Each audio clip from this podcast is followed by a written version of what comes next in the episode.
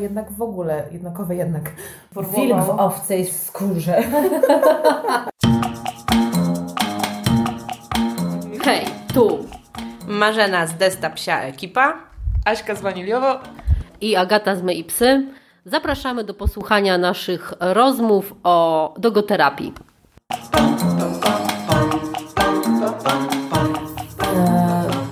Prowadzisz webinary, nie? Jakby jak w ogóle zacząć y, z dogoterapią. Więc masz kontakt z ludźmi, którzy są po różnych kursach. Mhm. E, chyba one się, te webinary dość du dużym zainteresowaniem e, mhm. cieszą. Czy tylko ja mam takie wrażenie, że sporo ludzi, jest sporo kursów, sporo ludzi je kończy, a potem nie wie jak zacząć? W sensie, że ta praktyka wcale to tak łatwo nie przechodzi w praktykę? E, myślę, że kursy mało przygotowują praktycznie. Hmm, znaczy, no może ja mam takie doświadczenie, a może w ten sposób. No bo w sumie też umówmy się, że na ten webinar trafiają osoby, którym czegoś brakuje, tak?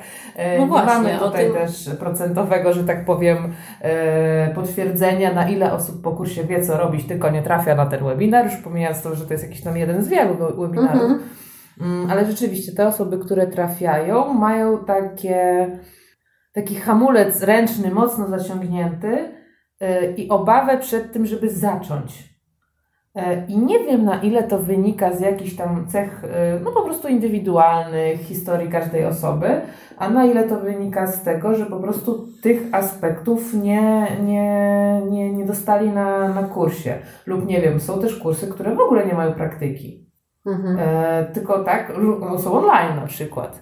E, więc no tutaj wchodzić w nowy zawód e, tylko poprzez kontakt przez kamerkę, własną naukę wiedzy teoretycznej, którą się dostaje w skryptach, no, no to ja też bym się czuła mocno nieprzygotowana i nie wiem, czy by się odważyła na wejście do placówki i właśnie połączenie mm, tego jeszcze z żywym stworzeniem. Więc rzeczywiście, no, gdzieś taki. Mm, nie wiem, czy to jest kwestia braku takich już praktycznych po prostu, że na początku, jeżeli ktoś nie ma możliwości na przykład wolontaryjnie, no bo z drugiej strony tak sobie myślę, no kurczę, gdyby nie to, że ja miałam ten wolontariat, e, no to może ja też bym nie wiedziała, jak w ogóle wejść do placówki. W ogóle jak zacząć współpracę, jak to powinno wyglądać, czy podpisywać umowy, jak zareklamować takie zajęcia, nie wiem, jak zorganizować sobie salę, jak w ogóle o tym rozmawiać. Tylko no ja miałam ten półtora roczny prawie wolontariat. E, więc równocześnie z nauką na kursie, więc no ja to gdzieś tam naturalnie nabyłam, a być może jest dużo osób, które nie mają takiej możliwości i stąd też mają takie pytania, no mhm. w sumie skąd mają to wiedzieć? Nawet jeżeli to było załóżmy powiedziane na kursie, e, no to gdzieś nie, nie było tego doświadczenia w praktyce i może też stąd to wynika lub jest tego za mało. Jakby jak patrzę na swoją grupę ze studiów podyplomowych, a studia to były na kierunku dogoterapia, kenoterapia, to wydaje mi się, że na 12-osobową grupę aktywnie działających jest dwie albo trzy osoby. Mhm. Jakby cała reszta poświęciła jakiś czas, może kiedyś do tego wrócą, nie? To e, też moim zdaniem pokazuje, że to po prostu nie jest tak łatwe, nie jest tak proste, że ja, a czytam, jak z kolei czytam programy kursów dogeterapeutycznych, to one tam obiecują mhm. e, po prostu tak dużo, a koniec końców no te osoby nie wiedzą, jak pracować, nie?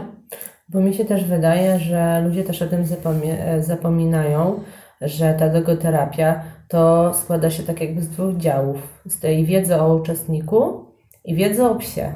I jeżeli w którejś z tych jakby mhm. dwóch obszarów e, nam czegoś brakuje, no to zawsze będziemy mieć taką obawę, jak mamy to zacząć. E, więc e, w momencie, kiedy, nie wiem, kończymy kurs, i ani wcześniej, przed kursem, tak, czy przed tymi studiami dyplomowymi, nie mieliśmy wiedzy dotyczącej od naszych odbiorców, do jakich chcemy kierować nasze działania, czyli czy jest to osoba dorosła, czy też dzieci. E, nie mieliśmy też żadnej wiedzy o psie, no to tak naprawdę kończąc taki kurs, mając nawet kilka godzin praktyki, no to to jest tak naprawdę bardzo niewiele. To jest bardzo niewiele. I e, wtedy się okazuje, e, że trzeba poświęcić kolejny czas na to, żeby się doszkolić w tym, e, w tej dziedzinie, w tamtej dziedzinie. Trzeba sobie wykombinować, gdzie moglibyśmy mm, podpatrzeć jakieś zajęcia, gdzie są jakieś szkolenia takie bardziej praktyczne i tak dalej, bo mm, to tak jak Ty gdzieś tam mówiłaś na, na początku, że wchodząc na te zajęcia, musimy mieć tak jakby wszystko już ogarnięte, tak? Psa, odbiorców, siebie samego i, i jeszcze całą gdzieś tam przestrzeń dookoła.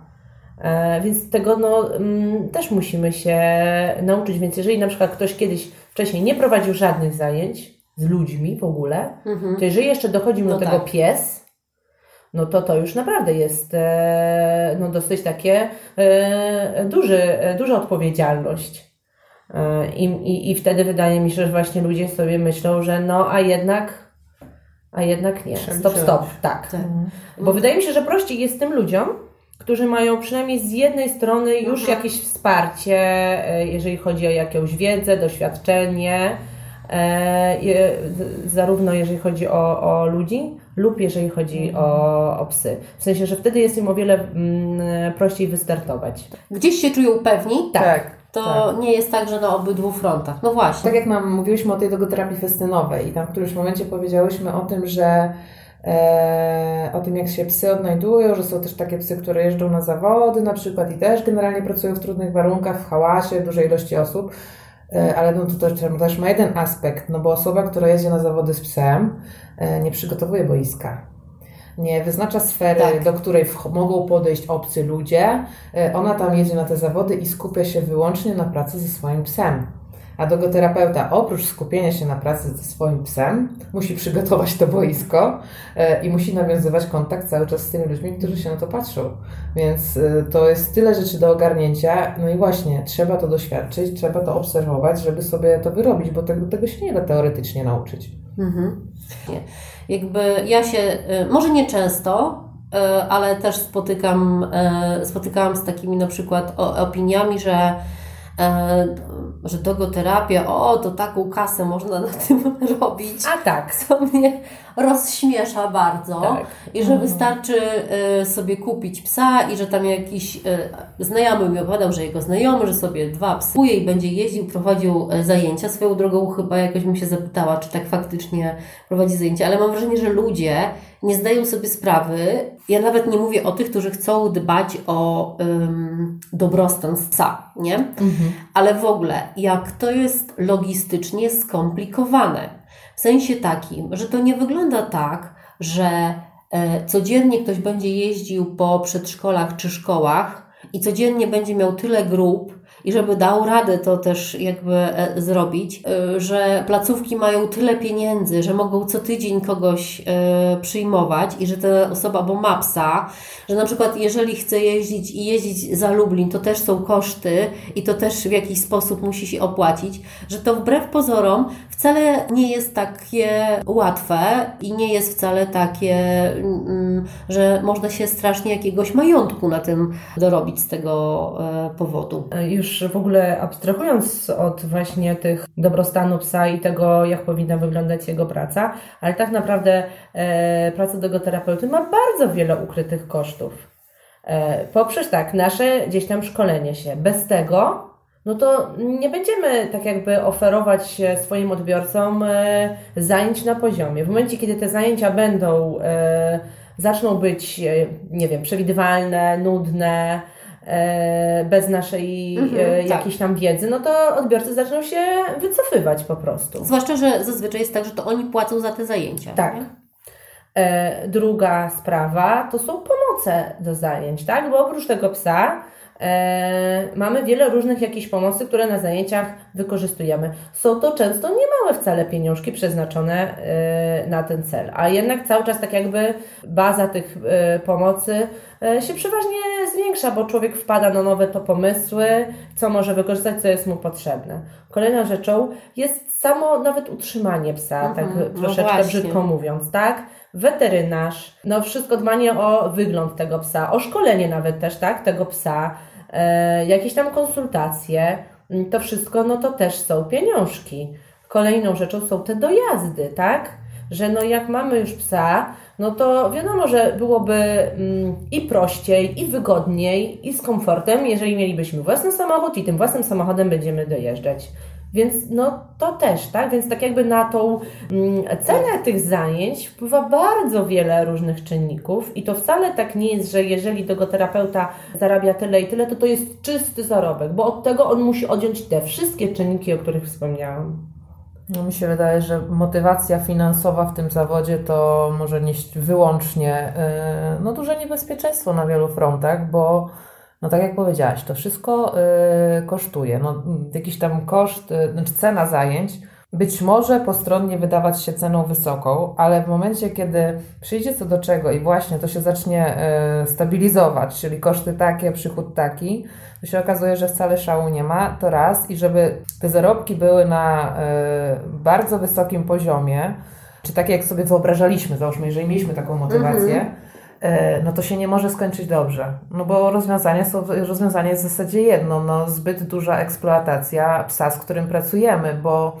I zero inwestowania w siebie. Tak, i zero inwestowania w siebie, bo tak jakby um, zapotrzebowanie do dogoterapii jest duże i ze strony odbiorcy nigdy nie usłyszymy stop. E, on będzie potrzebował zajęć dla ośmiu grup, on będzie mhm. potrzebował, ma trzy placówki, więc no w ogóle w tych trzech placówkach tu jest osiem, tu jest siedem, tu jest sześć, a chcemy zajęcia z pieskiem, bo one są fajne. No i ktoś sobie myśli, no chcą mnie.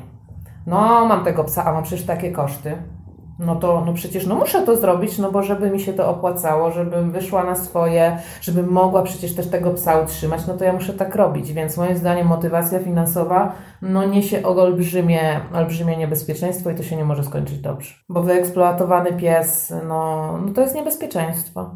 Już jeżeli komuś nawet nie, nie, nie, nie, nie ma w tym zawodzie gdzieś w pierwszych podpunktach priorytetów dobrej relacji ze swoim psem, no to musi wiedzieć, że wyeksploatowany pies jest po prostu niebezpieczeństwem dla odbiorców, z którymi pracuje. Ja też Myślę tak, że to nawet pod względem człowieka, jakby, bo tam pies, że jest zmęczony po zajęciach, to jest jedno. Ale jaka ja jestem zmęczona? Nie, znaczy... nie może. Po zajęciach takich grupowych, bo to jednak tyle e, jakiegoś, nie wiem, skupienia, wysiłku. E, no przecież jakby zajęcia to nie jest tak, że ja sobie coś zaplanuję i po prostu tak jak jest w planie, tylko patrzę, co z uczestnikami, patrzę, co się z nimi dzieje, odpowiadam na pewne jakieś tam rzeczy, tu trzeba zareagować, do tego coś tam. Nawet, nawet jak jest tak, że y, jakby, y, no nie no, tak jest, że jest wychowawca, czy gdzieś opiekunowie, czy nawet mi się zdarza właśnie z tą grupą osób z Alzheimerem, to tam jest nawet, y, jest jakby dwóch opiekunów, tak? I ja nie jestem sama, bo koleżanka ze mną zawsze jest. To i tak jakby ten poziom zaangażowania emocjonalnego, wysiłku, trochę takiej jednak kontroli, patrzenia, co robią inni, to jest, są takie, że ja po prostu jestem zmęczona po tych zajęciach. Nie? A jeszcze zajęcia trwają ile? 30-45 minut? A ile się do tych zajęć przygotowujemy? No, dokładnie. Do tych jednych jest... zajęć z reguły to jest przygotowanie kilkugodzinne przed, żeby sobie zaplanować, co będziemy robić, żeby zaplanować konkretnie scenariusz tych, tych zajęć, żeby do tych zajęć sobie przygotować pomoce e, i oczywiście rozwiązanie, co jeżeli to nie wyjdzie, czyli wyjście B i C. E, do tych zajęć przygotować psa. E, i, i, i cały tak organizacyjnie dojazd tam, przyjechanie tam, jak co, jak zrobić, więc do tych jednych półgodzinnych zajęć przygotowanie jest y, x czasu. Tym bardziej, że no jednak często to jest tak, że e, się ma ilość, powiedzmy tak, e, tych grup w różnych placówkach. Czyli tak naprawdę te jedne dzieci widzimy najczęściej raz w tygodniu. E, więc to też nie jest tak, że my jesteśmy mm, tak jak nauczyciele w przedszkolu czy w szkole stale tak. z jedną grupą, którą już poznaliśmy i znamy od A do Z, tylko te dzieci gdzieś tam się nam zmieniają, tak? Nie wiem, mamy trzy różne grupy i, i mamy w u nich e, co tydzień. I musimy pamiętać, że w jednej grupie jest tak, w drugiej grupie jest co innego, w trzeciej grupie jest taki skład. Trzeba pamiętać o tym, a w tamtej o tamtym. Yy, też są yy, zróżnicowane wiekowo. No po prostu mnóstwo jest tak naprawdę yy, takich rzeczy, które tak naprawdę no niosą jednak gdzieś tam jakiś włożony nasz większy wysiłek przez to. Bo ja sobie tak myślę, że jak y, nauczyciel przedszkola y, codziennie chodzi do, tej, -hmm. do tych mhm. samych dzieci, to on wie, co ma się po nich spodziewać, spodziewać tak? Tak. Mm, a w momencie, kiedy no jednak my te dzieci widzimy raz na tydzień przez 45 minut, to jednak one zawsze gdzieś tam zaskakują. A dwa, że no to nie jest tak jakby zawsze te same dzieci, tak? Tylko no w jednej grupie mamy kogoś innego, potem mamy kogoś innego, no i to jest jednak zmiana, zmiennie. tak. tak. A ja tak sobie myślę, że zobaczcie, jest tyle właśnie tych zmiennych na wielu poziomach e, e, dotyczących już stricte jednych zajęć.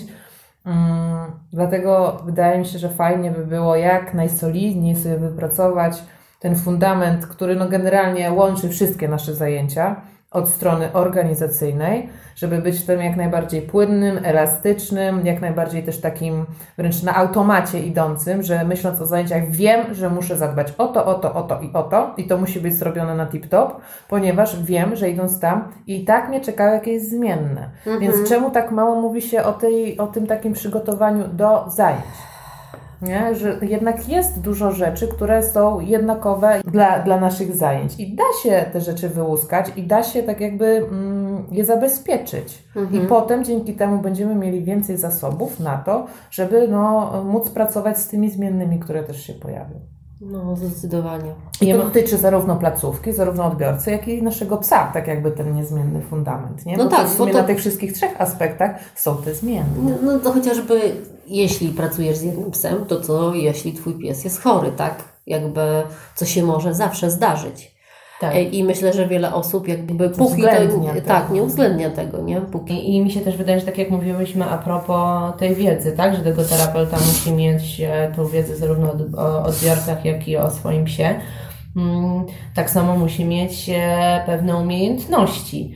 I mi się też mm, gdzieś tam wydaje, że tak jak my kończyłyśmy kurs, ja też sobie nie przypominam, żeby na kursie w jakikolwiek sposób nas, e, nas uczono takiej na przykład e, pewności siebie, że ty jesteś e, tak jakby dogoterapeutą, ty decydujesz, e, jak te zajęcia mają wyglądać, kto w nich uczestniczy, ile będą trwały, co uczestnicy na nich robią, jak jest angażowany pies, tak?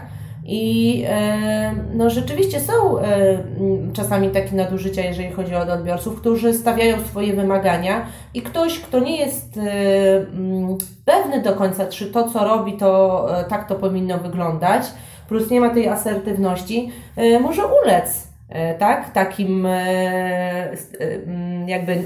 Prośbom, wymaganiom, tak, czy tej, e, czy tej presji. Zwłaszcza, że tak jak mówisz, początku, jakby, jak jesteś osobą początkującą i jeszcze nie, jakby nie masz wyobraźni tego wszystkiego, bo nie doświadczyłeś, to ciężko jest jakby ym, czuć się pewnie, tak? Tak. Znaczy w sensie, jak ktoś Ci nie powie, że to od Ciebie zależy, Ty masz prawo, ustal sobie na przykład na początku, że tak i tak, to jakby naturalnie to człowiek jednak ustawia się w takiej sytuacji trochę, że no nie wiem, zobaczę, nie? I ciężko stawiać takie wymagania. Tak. Natomiast ja też nie wiem, e, skąd to wynika. Tak jakby taka mm, presja gdzieś tam tych odbiorców, co się czasem zdarza, czy jakieś takie wręcz mówienie, e, co powinno się dziać na takich zajęciach. No bo wydaje mi się, że jeżeli chodzi o jakichś tam innych specjalistów, no to nikt nigdy nikomu nie mówi fizjoterapeucie czy logopedzie, co powinien teraz e, robić z dzieckiem, a co nie, ile powinny te zajęcia trwać, tylko raczej e, stawiamy się, a okej, tak ma być, ty jesteś specjalistą.